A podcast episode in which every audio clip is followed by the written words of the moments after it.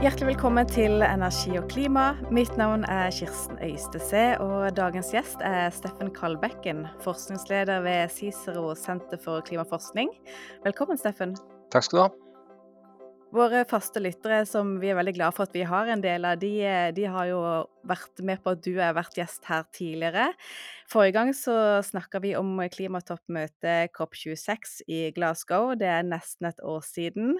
Eh, og nå skal vi snakke om COP27. Det arrangeres i Sharm el-Sheikh i Egypt. Vi skal primært snakke om hva vi kan forvente at kommer ut av dette klimatoppmøtet. Men skal vi bare først ta et lite tilbakeblikk på COP26? Hva var det som skjedde? Det var jo en spesielt viktig kopp. Det britiske presidentskapet er veldig opptatt av å promotere det som en viktig kopp, men det var det. Eh, for første gang så var det den viktige femårige syklusen, der alle land skal stramme inn sine klimamål, sånn at vi etter hvert nærmer oss målet Parisavtalen om å begrense oppvarminga til godt under to grader. Det er ikke noe de har forhandlet om, strengt tatt, men i løpet av det året skulle innstramminga skje, egentlig året før, men pga. covid ble det utsatt et år. Eh, og det fungerte jo nokså bra, vil jeg sagt. Hvis du ser på de analysene av alle land sine klimamål, eh, og sammenligner med hva det, det lå an til før og etter koppen i, i Glasgow, eh, med politikk som nå er vedtatt, er på vei mot oppvarming på 2,6 til 2,7 grader. Og hvis man kan tro på alle løfter, altså om netto null i 2050, 2060, 2070, de forskjellige tingene som er meldt inn, så kan vi klare å begrense oppvarmingen til 1,8 grader. Og de tallene er da 0,1-0,2 grader bedre så ut ett år før. Og Det vil jeg si er ganske betydelig innstramming på, på, et år. Så denne syklusen med å stramme inn hvert femte år vil jeg si det er til å konkludere. Men, men, det kan se ut som at den har mulighet til å fungere, i hvert fall. Du sa jo i etterkant av eh, COP26 at uh, møtet var med på å ta verden noen små skritt i riktig retning. Og en av seierne fra møtet det var jo denne enigheten om å forsterke nasjonale klimaplaner, altså disse NDC-ene som det heter på FN-språket, for å holde 1,5-gradersmålet innen rekkevidde. Og som du sier, vi nærmer oss 1,8, men vi er fremdeles ikke på sporet til 1,5. Hva har skjedd egentlig siden da? Det har ikke skjedd så veldig mye møter. Det, det de vedtok, var jo at for at de innså selv om det var en betydelig innstramming det året, så var det fortsatt ikke nok. Så de vedtok en slags ekstrarunde, kan kanskje kalle det en strafferunde. Den leverte ikke godt nok i fjor, så også i år skal de sende inn nye og helst strengere eh, klimamål. Eh, det har bare så vidt begynt å skje. Eh, når jeg sjekka i forrige uke, så var det vel 20 land av nesten 200 som hadde sendt inn mål. Og det er ingen veldig store innskjerpinger. Um, Australia er nok det viktigste unntaket der. Uh, det skyldes nok mest at de har fått en ny regjering, og ikke at det har skjedd så mye at, det, at de har hørt på, på beskjeden fra FNs klimapanel og, og, og koppen. Men det de har gjort, er å sette et nytt mål som sier at de skal kutte 43% innen 2030 fra nivået i 2005 som er betydelig bedre enn det gamle målet, som er et kutt på 26-28% Så det er iallfall ett land som har fått en betydelig innskjerping i, i sitt klimamål. Så er det andre land, men, men, det er det som trekkes fram som det ene som er verdt å merke seg. Mm. Hvor viktig er Australia, da? Australia har jo vært ofte et litt sånn vanskelig ustabilt land, ikke helt ulikt USA. De har jo hatt nokså klimaskeptisk regjering, en regjering som har trukket tilbake tidligere løfter. Eh, nå har de fått et nytt skifte i retning av regjering som ønsker mer aktiv klimapolitikk. Eh, så det er jo positivt. Eh, det er også viktig den dynamikken mellom rike og fattige land. Når man da har de eksemplene på rike land som går tilbake på løftet eller ikke gjør nok for å kutte utslippene, så er det veldig ødeleggende for den tilliten i forhandlingene. Derfor er det viktig at et land som Australia, selv om det selvfølgelig ikke er like stort som USA i, i form av utslipp, så det er viktig at de også leverer mer klimapolitisk. Så har det skjedd mye siden COP26. Vi har en krig i Europa, vi har en energipriskrise. Er verden nærmere eller lengre unna å nå 1,5-gradersmålet nå sammenlignet med hvor vi var rett etter COP26? Det er vanskelig å si. Det, det, er ting som trekker i ulike retninger. Hvis vi starter med en viktig ting, forholdet mellom USA og Kina. Det har vært veldig toneangivende. Det de ble enige om året før Parisavtalen, altså i 2014 ble det med en avtale som i stor grad la grunnlaget for Parisavtalen. Så de, de former veldig mye av klimapolitikken internasjonalt. De er nå i arbeidsgruppe om klima, som er et viktig samarbeid som de har satt på vent pga. det kjølige forholdet, bl.a. knytta til konfliktene rundt eh, Taiwan. Og så selvfølgelig Russlands eh, invasjon av Ukraina. Ehm, det betyr mye geopolitisk, eh, økte gasspriser i verden. Viktigste politiske reaksjonen så langt er vel da EU sin Repower EU-plan, eh, der de skal forsøke å raskere gjøre seg uavhengig av import av russisk gass. med bl.a. øke målet om fornybarandelen fra 40 til 45% i 2030. De skal satse mer på energieffektivisering, de skal ha atferdstiltak. Det betyr vel ting som å sette termostaten lavere på vinteren i offentlige bygg og den typen ting. Eh, og også raskere bygge ut fornybar og gjøre seg mer uavhengig av russisk gass, bl.a. ved å importere norsk gass. Eh, så, det mest betydelige der politisk, det er det det har gjort. Men hva det betyr på litt lengre sikt, er vanskelig å si. Man kan jo tro at det bidrar til en forståelse av at det er uheldig å være så avhengig av ustabile regimer, eller hva man skal kalle det, når det gjelder import av, av olje og gass, og at det kan framskynde overgang til fornybar også i resten av verden. Men, men, det er vanskelig å si. Mest av alt så bidrar det til ustabilitet eh, og mindre tillit mellom land, og, og kan gjøre samfunnsklimaet dårligere. Men det at verden er så urolig nå, setter det også agendaen for COP27? I en viss grad, men det har jo vært mange kriser og kriger også før. Eh, og det har egentlig påvirket forhandlingene i overraskende liten grad. Altså Ta da Ukraina og Russland. Eh, Russland annekterte jo Krimhalvøya i 2014. Eh, og det satt ikke veldig store spor i forhandlingene. Det var merkbart, bl.a. en del krangel rundt rapportering, hvem som skal rapportere utslippene derifra. Eh, så vi har vært gjennom situasjoner som ligner før, uten at det har prega forhandlingene i altfor stor grad. Så, så, så, det er nok en effekt, men jeg tror ikke vi skal overdrive hvor stor den effekten er. Men det har klart i ganske stor grad å isolere forhandlingene fra det som skjer ellers eh, geopolitisk. La oss se litt mer på COP27. Hva er det som står på agendaen i år? Det, det presidentskapet sjøl har satt som et slags tema, det er implementation, altså gjennomføring. Og det gir mening, for det vi ser er at hvis du husker de to tallene jeg nevnte i stad. Jeg sa at med dagens vedtatte politikk er vi på vei mot oppvarming på 2,6-2,7 grader. Hvis alle løfter innfris, så er det 1,8 grader. Og det er et helt enormt spenn. Og hvis vi ser på konsekvensen av 1,8 grader mot 2,7 grader, så det er en kjempestor forskjell. Så da implementere løfter som gitt er jo helt avgjørende. Så måte kan du si at De følger opp eh, koppen i fjor, som handler veldig mye om å øke løftene. Og nå ser de at løftene må innfris. Eh, utslippskutt er selvfølgelig viktig, men jeg tenker nok i minst like stor grad på finansiering. Hvordan da? Altså, en av tingene som ble i, landene bekrefta i, i Glasgow i fjor, var at målet som rike land har satt om å mobilisere klimafinansiering, ikke er nådd. Helt tilbake i 2009 så sa de at de per år skulle mobilisere 100 milliarder dollar i året til klimatiltak i fattige land. Det ble ikke nådd. Det nærmeste man kommer et offisielt estimat, sier at det var rundt eh, noen 80 milliarder dollar i året. Så et godt stykke på vei, men ikke helt innfridd. Og de erkjenner at det målet ikke er nådd. Eh, og så skal de i tillegg begynne å jobbe med et nytt klimamål. Eh, men den grunnen så tror jeg at det å i det minste først innfri på det som er gitt, er viktig. Så, så innfri på målene om utslippskutt, innfri på målene om klimafinansiering, og også innfri på en del eh, løfter om, om tema tap og skade. Ikke nødvendigvis finansiering, i hvert fall opprette noen slags nye mekanismer der. Det er mye forventninger der fra afrikanske og arabiske land som ser på dette som, som sin kopp, siden den eh, finnes det i Egypt. La oss prøve prøve å bare rydde litt opp i disse begrepene som er knytta til finansiering. For du, du, nevner disse 100 milliardene i året som er lovd, som ikke er levert ennå. Så har du finansiering som går under merkelappen klimatilpasning. Også dette med tap og skade, som er hvem skal betale for at klimaendringene allerede er her og gjør store skade. Kan du hjelpe litt å rydde i begrepene hva som er hva, og hvor mye penger verden skal i fellesskapets reise, og hvordan det skal fordeles? Hvis vi starter med en ting, det vi kaller klimafinansiering generelt. Da mener man både det som går til utslippskutt og klimatilpasning. Eh, så langt har pengene vært veldig skjevt fordelt. Det har gått klart mest til eh, utslippskutt, i hvert fall 80 Det er vanskelig å beregne, men, men, ingen tvil om at det har gått klart mye mer penger til eh, utslippskutt enn klimatilpasning. Det er et ønske da fra fattige og sårbare land spesielt om at vi må bruke mye mer på klimatilpasning. Så en ting man snakker om er om det skal være et eget mål for det. At f.eks. halvparten av pengene skal gå til klimatilpasning. Um, også mer detaljerte spørsmål, sånn som hvor mye penger som står i klimatilpasningsfondet, på hvilken måte man utbetaler pengene og sånt. Uh, så den ene store saken er dette den store problemet klimafinansiering. Hvor mye skal til utslippskutt, hvor mye skal til tilpasning.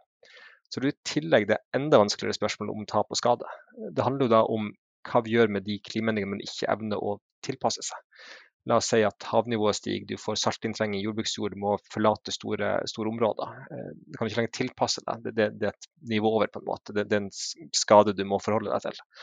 Eh, det er forventning, kanskje kan et krav fra en del land om at dette skal resultere i noen slags kompensasjon. De som i størst grad har ansvar for å få dette, skal måtte hjelpe de som står igjen med, med skaden.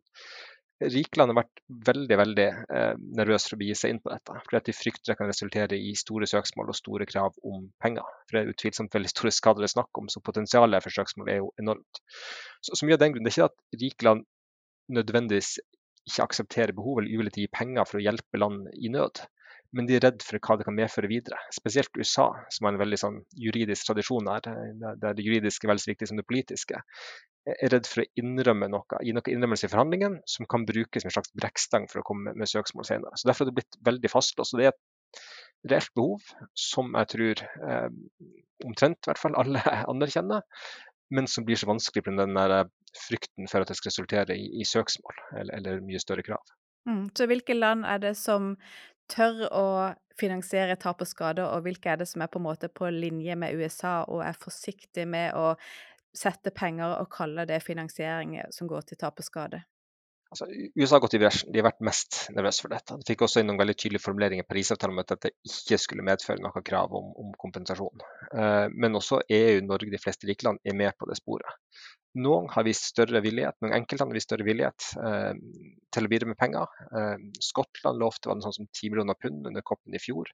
Eh, Danmark har snakka om det. Så det er noen få land som, som sier at de er villige til å bidra med noe. Men generelt så har de aller fleste like land stilt seg bak USA sin linje. har sikkert vært litt fornøyd med at USA tar det meste av støyten for det, men, men uh, i stor grad vært på den samme linje med at de, de helst ikke vil at dette skal bli en ny finansieringsmekanisme. Og så I tillegg til dette politisk jeg snakker om, så er det også et spørsmål om Eh, hvor mange forskjellige systemer skal man holde seg med. For En del land peker på er jo at også det generelle bistandspolitikken, utviklingspolitikken, skal hjelpe land med denne typen omstilling og overganger. Så et spørsmål er om skal man være nødt til å attribuere det, altså tilskrive dette til klimaendringer for å utløse betaling, eller bare si at her er det en nødsituasjon, samme hva som forårsaker den, så skal vi hjelpe, og da bruker vi mer de ordinære bistands- og utviklingsprogrammene. Så det er også et spørsmål, den grenseoppgangen mellom hva som er klima og hva som er mer generell utvikling og robusthet i samfunnsutviklinga. Men det viktigste er altså disse 100, mil, 100 milliarder dollarene vi skal komme opp på et årlig nivå. Hvilke land er det som har eh, si, gitt sin del, og hvilke land er det som underfinansierer? Jeg har ikke helt hodet, men europeiske land eh, har bl.a. gitt ganske mye. Og USA selv om det er stort og gir mye, så i forhold til rikdommen i USA, så har ikke de gitt veldig mye. Og det har også vært gitt en del Obama ga løfter som Trump så ikke innfridde. Så det har vært mye frustrasjon ofte også knytta til de amerikanske løftene. Eh, så, så mye av skytset der går nok mot, mot USA. Eh, og så sa du helt riktig 100 milliarder dollar. Men den kanskje største vanskeligste diskusjonen de starter på er jo å øke dette målet. For fra og med 2025 så skal et nytt mål gjelde. Eh, det skal helst bli enige om neste år, så ikke i år. Så det er litt vanskelig å måle hva som er framgang i år. Vi skal komme videre, men ikke i mål med dette i år. Og for det første kan du snakke bare om selve tallet. da. Det blir tilsomt høyere enn 100 milliarder dollar. Blir det da 200, eller blir det 1000 milliarder? Det er veldig ulike ideer om, om hva som er et, et rimelig tall her. Eh, det er Utviklingslandet har forsøkt å se på hva er det reelle tilpasningsbehovet. og Da snakker du om 1000 eller flere tusen milliarder dollar eh, i året. Eh, det er ikke et nivå rike land er villige til å gå med på, så bare tall blir vanskelig. Men også hva består dette av? Eh, sånn det er formulert nå, så handler det om å mobilisere eh, klimafinansiering. Så ikke at man skal utbetale og overføre. Så er det da en del land, utviklingsland, ønsker primært at det skal være offentlige midler. Så garanterte overføringer, utbetalinger fra, fra, fra de rike landene. Eh, mens Rikland mener at det er vel så viktig å um, stimulere privat eh, kapital. Eh, så altså at du tilrettelegger gjennom om det er eksportgarantier eller andre måter å gjøre det på. Tilrettelegge for investering i ja, solcellekraftverk i Afrika eller klimatilpasning i Asia, hva det skulle være. At du tilrettelegger og forsøker å stimulere den private kapitalen fordi man ikke har nok offentlige midler til å gjøre hele den jobben. Så bare hva som skal telle med, er vanskelig, og klart det påvirker også nivået. Hvis flere typer finansiering kan telle med, så er det lettere å komme med et høyere tall. Så det henger tett sammen, de, de to diskusjonene. Så, så, dette er det vi skal da i gang med, men, men ikke lande enda i, i Sharm el Sheikh i år. Men man starter altså da med et ganske stort utfallsrom hvis noen ønsker å øke til 200, mens andre snakker om 1000. Eh, hvor, hvor, kan man se fortsatt man lander hen? Det er veldig vanskelig. og som sagt, Det er veldig sterkt avhengig av dette om man strammer inn definisjonen. Hvis du beholder definisjonen åpen, at man skal mobilisere klimafinansiering, så er det nok lettere å snakke om mye høyere tall. For ikke sånn at regjering binder seg heller. Først er det ingen enkeltland som ser hva som er deres andel. Og det ville ikke sagt hva som er andelen statlig, hva som er andelen privat. Så det er litt mer sånn ufarlig uforpliktende å si at vi skal mobilisere så og så mye. og da, da, er det lettere å gå med på et veldig høyt tall. Men hvis det gjelder vinner fram de som argumenterer for at dette skal begrenses mest av alt til offentlige midler, og da helst eh, direkte støtteoverføringer, ikke på en måte lån og garantier, eh, så blir det et, i den lavere enden av skalaen. Så jeg tenker det annet veldig sterkt sammen med den definisjonen av klimafinansiering, hva man skal telle med og ikke telle med, påvirker sterkt det tallet. Eh, og så blir det jo, Men uansett, selv om du hadde en definisjon klar, så har det vært ganske sterke dragkamper om det da skulle vært eh, ja, 200 eller, eller 1000 milliarder det er snakk om. Litt tilbake til eh, målet for møtet. Du sa det handler om implementering. Altså gjøre mest mulig for å komme så nærme 1,5-gradersmålet som vi klarer. I hvert fall 1,8 som, eh, som, er mulig å se for seg at vi skal få til. Men hva kan klimatoppmøtet gjøre for å få til en implementering? For dette er mye nasjonalpolitikk som må på plass. Ja, du, du vil jo merke nå at Parisavtalen er kalt en slags uh, paraplyforhandling. Uh, den setter noen rammer, men det meste gjennomføringa skal skje nasjonalt. Men et nytt grep de har tatt da, som de ikke har gjort før, det, det er å gå litt nærmere inn i det nasjonale. De har nå et såkalt arbeidsprogram for å oppskalere eh, ambisjonsnivået i gjennomføringa av utslippskutt. Jeg vet ikke helt hva det kommer til å bestå av enda, men det er bl.a. noe de skal forhandle om og jobbe videre med i, i Sharm el Sheikh. Så vi går litt tettere på nasjonal politikk og hva som faktisk skjer der. Det er også denne berømte formuleringa fra den såkalte klimapakten i Glasgow i fjor, der de sier at de skal eh, nedfase, ikke fase ut, men nedfase bruken av kull. Eh, og Den type formulering har ikke vært der før. For Man har alltid hørt på et veldig generelt nivå. Du snakker om utslippskutt i prosenter, kanskje, eller noe sånt. men du sier aldri spesifikt at det er en sektor du skal satse på, eller en energikilde som skal bort. Så Det går litt dypere ned i det nå. Så Det, det er utvikling som er interessant å følge med på. Da, at de fordi det internasjonale er såpass, si, på et såpass vagt og generelt nivå, så har jeg nå kanskje sett behovet for å gå litt dypere inn i det, for å følge opp litt tettere hva som skjer nasjonalt. Fordi det er det her gjennomføringsgapet, altså det gapet mellom de mest ambisiøse løftene og hva som faktisk skjer. Det gapet er ganske stort, og det avgjør da i stor grad om vi havner på nærmere tre grader eller under to grader. Eh, så Derfor er det veldig stort fokus på dette i år, og noen nye verktøy, bl.a. dette da, arbeidsprogrammet for, for utslippskutt, som er helt nytt. Og disse formuleringene i pakten fra Glasgow, er det formuleringer som du tror man vil diskutere videre, dette med å fase ut eller fase ned kull, og kanskje går man også videre og snakker om olje og gass? Altså, er det realistisk å tro? Det blir interessant å følge. Er som regel stort sett ignorert i slutterklæringen, fordi det har vært, eh, hatt liten praktisk betydning. Så det har betydning i hva som skjer i den mer formelle prosessen av beslutninger. Men, men, det fikk ekstra oppmerksomhet, og det, det, er mer omfattende enn vanlig det som kom i Glasgow i fjor. Så kan det at det er litt sånn ny dynamikk der, at det betyr litt mer i slutterklæringen. Det får vi se på nå, da, om det følges opp videre, om det blir noe videre utdyping. Om man igjen forsøker å ta opp kampen om at det skal være utfasing og ikke nedfasing av kull, f.eks. Eh, det blir interessant å se. Så, så det, det, ser også ut som et litt nytt element. Det er vel noe med at hele prosessen trenger å gå videre. Fram til 2015 var den veldig rigga inn mot det å komme fram til en ny avtale. Så hvert år har det handlet om å få på plass regelboka. Blant annet et sånn siste viktig element som gjensto i fjor, det var dette med markedsmekanismer. Det fikk de på plass i Glasgow. Og nå er vi litt mer over gjennomføringsfasen. og Det, det er ikke unaturlig om man får en del sånn nye måte, innovasjoner hvordan dette fungerer. Kanskje slutterklæring blir viktig. Kanskje typen arbeidsprogram vi nå ser på utslippskutt blir viktigere. De, de trenger liksom å finne en ny måte å jobbe på når, når hele prosessen endrer karakter. Mm. USAs eh, president eh, Joe Biden har jo relativt nylig fått gjennom en klimalov hjemme. Hva betyr det i det internasjonale klimasamarbeidet? En ting som spiller veldig direkte inn på, på tilliten mellom land. USA har vært en veldig ustabil partner. En ting er at Trump trakk USA ut av Parisavtalen, men det samme skjedde jo når George Bush ble president. Eh, i forhold til Kyoto-protokollen fra, fra, 1997. USA gikk inn, lovte å bidra, og så fikk en ny president som trakk USA rett ut. Eh, så USA har vært en veldig ustabil partner. Så nå har de tilbake er jo positivt, men det blir jo tatt med en klype salt. Man vet at det er et nytt presidentvalg i USA om er vel to år. Eh, og da kan det komme en ny president, eller vi kan få Trump tilbake. Eh, som nå klarer at det er jo usikre løfter. Så USA er en veldig viktig og veldig ustabil partner i internasjonalt klimasamarbeid. Mm. Det er veldig viktig, kan denne klimaavtalen, eller klimaloven, være med på å få andre land til å øke ambisjonene? Altså, det hjelper. USA er jo en stor økonomi, og, og de er jo blant de aller fremste i verden på, på å utvikle ny teknologi. Så bare at de investerer så mye, satser nytt, betyr jo at det vil skape nye markeder og nye teknologier som også alle andre kan ta i bruk. Så Det er en ganske viktig mekanisme det for hvordan ett land sin innsats hjelper andre land med å kutte utslipp, er at du utvikler ny teknologi, tester ut nye systemer, nye politikker som fungerer. Eh, så bare læringseffekten derfra, teknologisk måter, er ganske viktig. I tillegg til USA så er jo Kina naturligvis også et veldig viktig land fordi det er en stor utslipper. Kan vi vente noe nytt fra Kina på COP27? Det ene jeg er mest spent på. Det var en del forhåpninger om at de skulle komme med betydelig nytt klimaløfte i forbindelse med møtet i Glasgow i fjor, fordi dette var den første delen av den femårige syklusen. Det kom ei ganske ubetydelig innstramming. De endra litt på ordbruken rundt når de skulle, skulle, nå en utslippstopp, men det var alt. Eh, så jeg har hørt lite konkret, men, men det er uten tvil forhåpning om at kanskje i år endelig året der de, de, kommer med noe litt mer betydelig, eh, tydeligere innstramming av sin politikk. Eh, men jeg vet ikke, er ingen kilde eller noe som har sagt noe tydelig om at det kommer noe betydelig fra Kina. Men klart, de er nå verdens suverent største utslipper, rundt 30% av globale utslipp, så det er jo enormt viktig hva de gjør. Det er også eneste landet som er så stort at de merkbart påvirke sitt eget klima. Når du står for nesten en tredjedel av verdens utslipp, så er det klart at det du selv slipper ut, det er en målbar effekt på din egen framtid, hvordan klimaendringene selv må tilpasse deg. Så det er jo det landet også da på en måte sterkest insentiver til å kutte egne utslipp.